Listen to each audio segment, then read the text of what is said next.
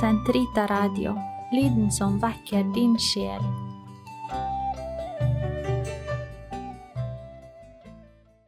Den katolske kirkes katekisme, uke 30, tirsdag 5.19 til 5.26. Vårt samfunn med Jesu mysterier.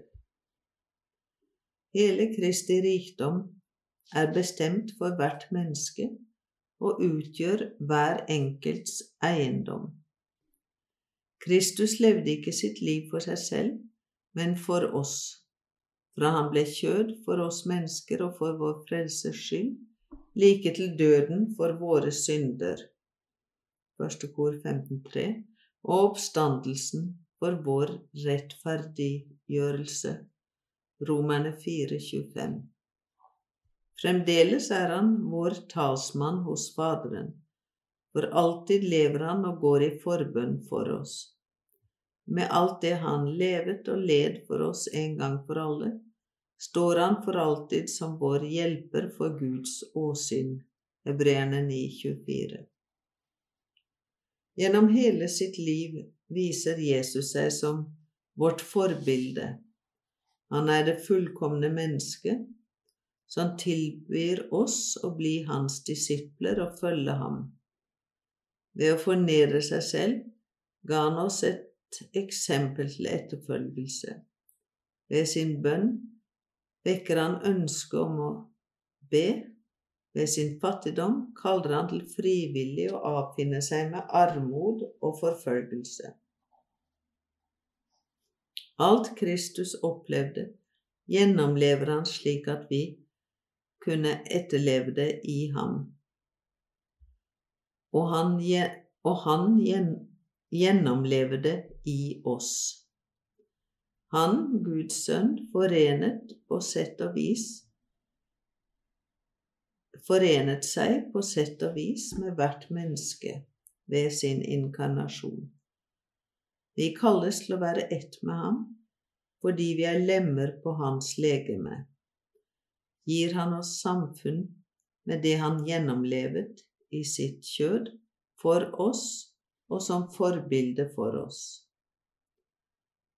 Vi må fortsette å fullføre i oss selv alle Jesu mysterier og livstilstander, og ofte be ham om å fullbyrde og fullføre dem i oss og i hele Kirken.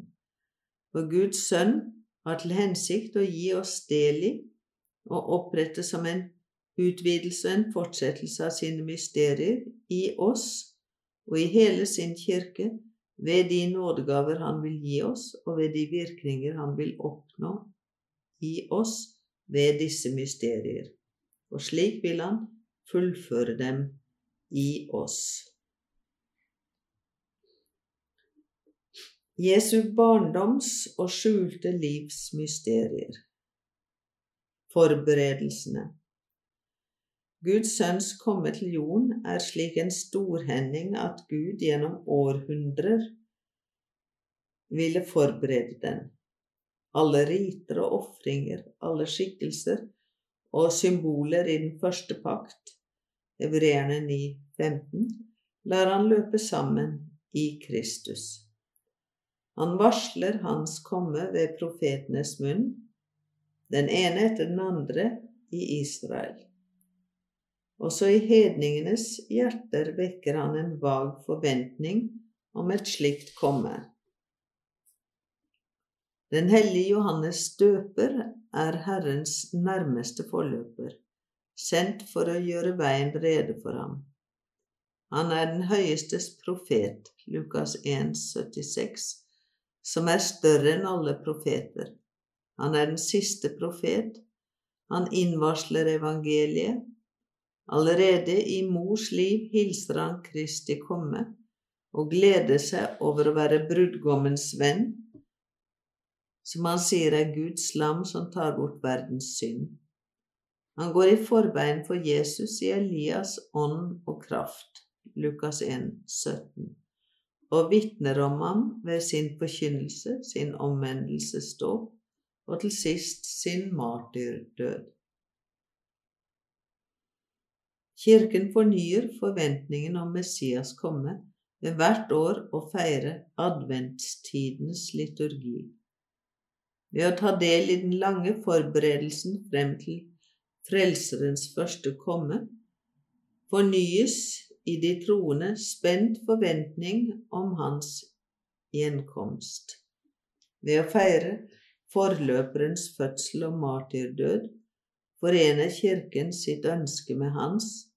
Han skal vokse, og jeg svinne bort. Johannes 3, 30. Julens mysterium Jesus ble født i en fattig stall, i en fattig familie. Noen enkle gjetere var de første vitner til det som skjedde. I slik armod åpenbares himmelens herlighet. Aldri går Kirken trett av å lovsynge den nattens herlighet. I dag setter Jomfruen den evige til verden, og jorden byr den utilgjengelige en grotte. Engler og hyrder synger hans pris, vismenn følger i stjernens spor for oss er du født, du spedbarn og evige Gud. Å bli som barn for Gud er betingelsen for å komme inn i Guds rike. Derfor er det nødvendig å ydmyke seg selv og bli liten, ja, enda mer. Vi må fødes ovenfra. Johannes 3,7. blir født av Gud. Johannes 1,13. For å bli Guds barn. Johannes 1,12. Julens mysterium fullbyrdes i oss når Kristus tar form i oss. Galaterne 4,19. Julen er det underfulle samkvems mysterium, admirabile commercium. Og underfulle samkvem, menneskeslektens skaper tok et legeme og en sjel og lot seg føde av en jomfru. Han ble menneske uten manns mellomkomst og skjenket oss sin guddom i gave.